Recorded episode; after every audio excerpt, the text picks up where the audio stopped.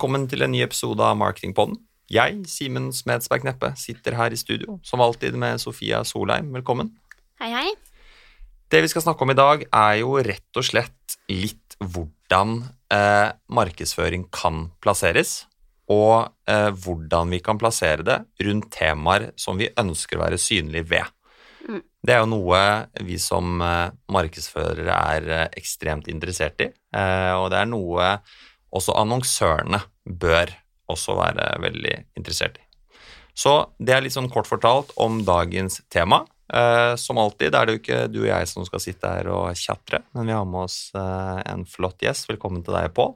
Tusen takk for det. Du kan jo få lov til å introdusere deg selv. Hvem er du, og hvorfor er du her, og hva gjør deg kvalifisert til å prate om disse kontekstuelle plasseringene? Store spørsmål, det der. ja, det spørs det. Nei, um, mitt navn er Pål Dahlgren Bakke. Jeg er uh, head of programmatic i Densu i Norge.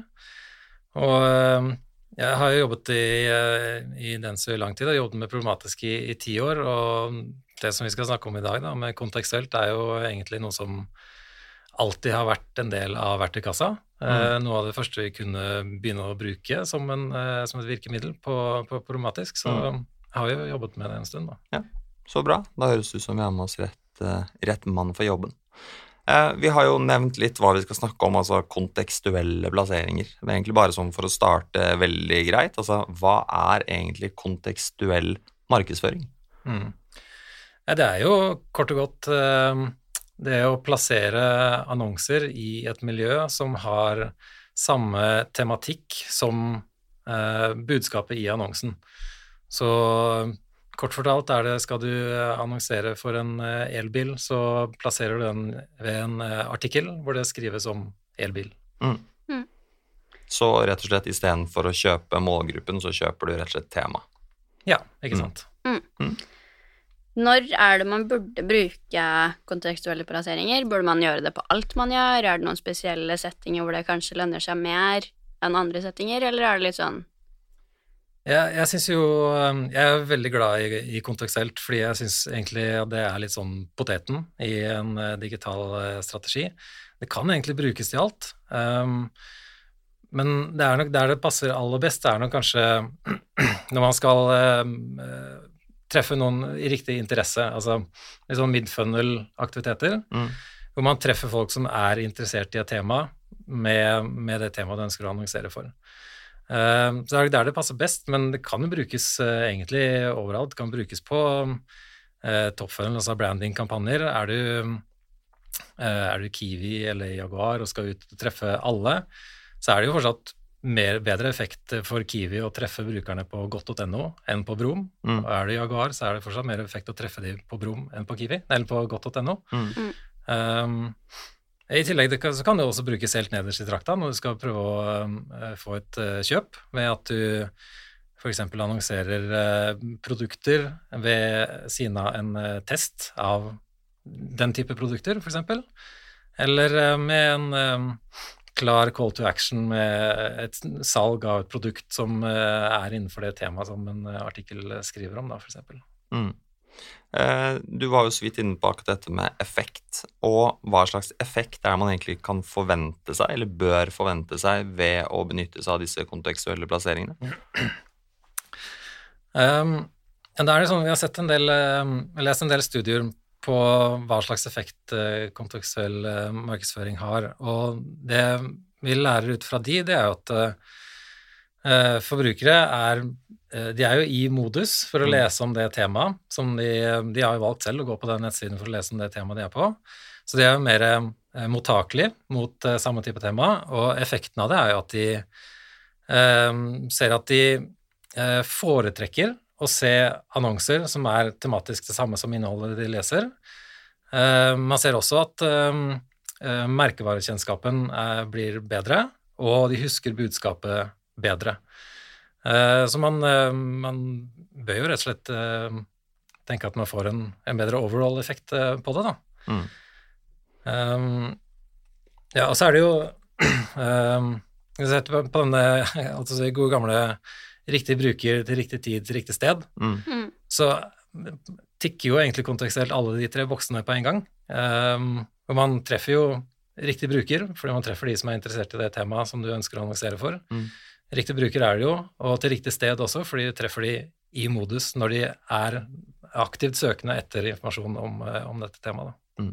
Og så vil jeg jo tro litt sånn, eh, litt basert det vi også har snakket om egentlig en del i de siste episodene, nettopp med dette at det å målrette og treffe folk nå og i tiden både fremover blir jo egentlig bare vanskeligere og vanskeligere, basert på at kukken også forsvinner. Så det er på en måte eh, vesentlig vanskeligere for oss som markedsførere å si hvor målgruppen vår egentlig er. Mm. Eh, så jeg vil jo også tro at kontekstuelle plasseringer er liksom litt i vinden, kanskje. Mm.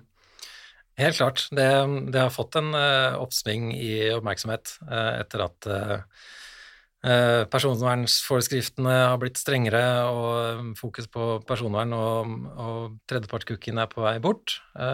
så har det jo blitt mye mer fokus på kontekstuelt, og det kan løse noe av det som vi brukte tredjepartscookier til før, ved å da treffe riktig målgruppe. Mm. Mm. Det er jo veldig mye positivt, uh, og det er jo mye det med å treffe folk når de aktivt ser etter informasjon eller leser om noe, eller hvis man er interessert i noe og leser mye om det, da, så er det jo større sannsynlighet for at man vil konvertere hvis man da ser en annonse for et produkt som passer inn med det man leser. Men er det noen utfordringer rundt uh, kontekstuelt? Um, ja, det er jo noen utfordringer. Hovedsakelig så er det jo en utfordring med, med rekkevidde.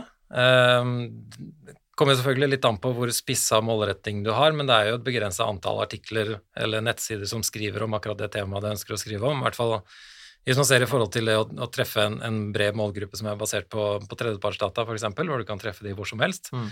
Um, så rekkevidde er jo en, en liten utfordring, um, mm. men der er det jo da viktig å kjenne til alle måte, metodene og verktøyene man har for å treffe kontekstuelt, sånn at du i hvert fall kan nå ut til alt det innholdet du, som er mulig å nå ut til. Mm. Og så er vel også dette med at eh, litt sånn eh, Jo bredere du ønsker å gå, så er jo kanskje ikke kontekstuelt som du sier, liksom helt mot bullseye, men at det rett og slett mm. nesten litt sånn jo snevrere og litt mer sånn spesialisert man ønsker å gå, jo bedre treffer også kanskje de kontekstuelle plasseringene. For mm. da er liksom ikke rekkevidden så viktig, men at den lille gjengen du ønsker å treffe, den treffer du så utrolig godt, da. Mm. mm. Ja, eh, det er nok helt riktig. Altså, men som sagt, da kommer det an på ja, er det, Jo snevrere det er, jo mindre er jo målgruppen selvfølgelig ja, også. Ja. Um, så, men det er et godt poeng. Mm. Og så er det jo eh, på litt dette for at eh, når man ikke kjøper målgruppe, men man sier at de ønsker å ligge rundt på disse på temaene, eh, så vil jeg jo også tro at det er litt sånn ikke nødvendigvis lett, men det er en mulighet å ligge rundt litt sånn feil type innhold. Eh, har du noen type eksempler på ting man på det ikke skal gjøre, og hvordan man eventuelt kan unngå å på det ligge rundt eh, ja, rett og slett ikke brand-safe materiell, f.eks.? Mm. Det, det, det, er veldig viktig, da. For her er det jo gjerne to eh, metoder man bruker til å kategorisere innhold i kontekstuelle kategorier. Uh, keyword er den ene muligheten, uh, som f.eks. Uh, at man tagger uh, Journalister tagger artiklene sine med ulike keywords for å fortelle mm. hvilke temaer det er i. Eller at Google crawler nettsider og, og tagger innhold med, med keywords. Um, det er den ene metoden. Mm. Andre metoden er jo eh, noen leverandører av dette som bruker det som heter natural language processing, hvor det er rett og slett en eh, som at en maskin leser eh, hele teksten på samme måte som et menneske ville lese teksten, og forstår innholdet mye bedre. Mm. Eh, og på den måten kan man da forstå om en tekst er negativt, uh, nøytralt eller positivt vinkla. Uh, så et eksempel er jo f.eks. om Eh, la oss si Norwegian, da, ønsker å ligge på, på, innhold som har med flyreiser å gjøre, eller reiser, men de ønsker jo ikke å være på eh, artikler om flykrasj eller om noe negativt eh, rundt Norwegian som brand, f.eks. Men bruker man en leverandør som bruker natural language processing, så kan vi da utelukke alt som er sånn negativt retta, og heller bare ligge på det som er positivt, positivt innhold. Da. Mm. Mm. Og det, det, er jo også noe som uh, vi har sett i studier, studier eh, har en veldig stor effekt på hvordan forbrukere tar imot budskapet også. Mm. Hvis det er en annonse som ligger eh, på et negativt budskap, eller negativt innhold, så får du også en negativ eh, assosiasjon til budskapet i annonsen.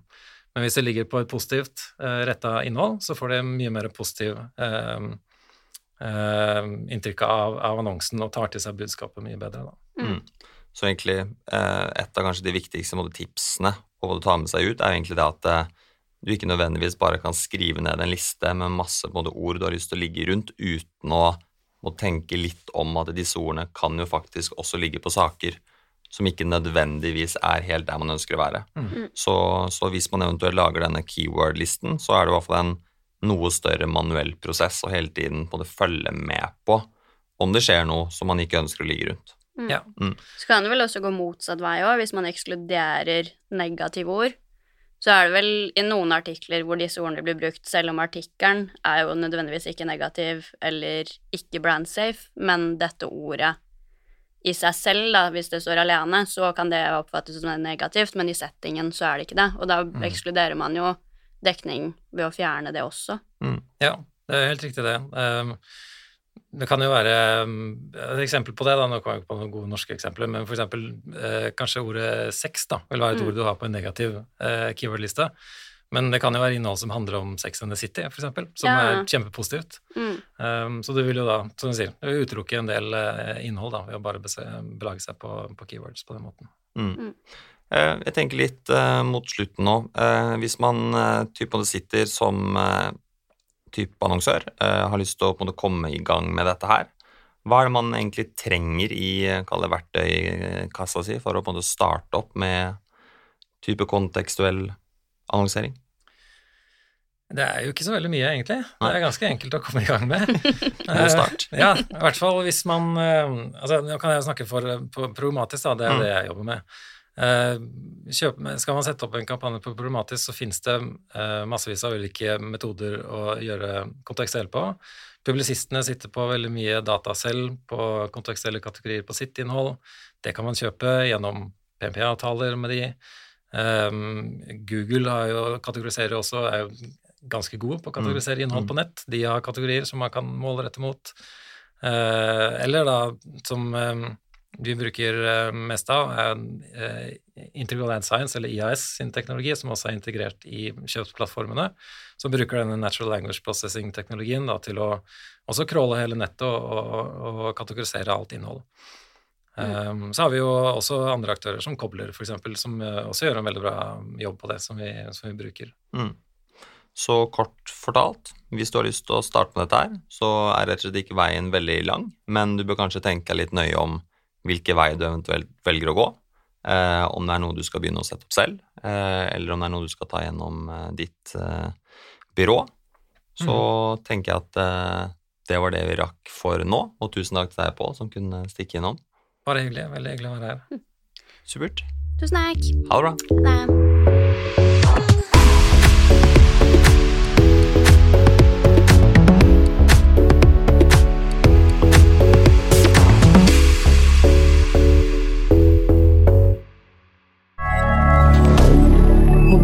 القادة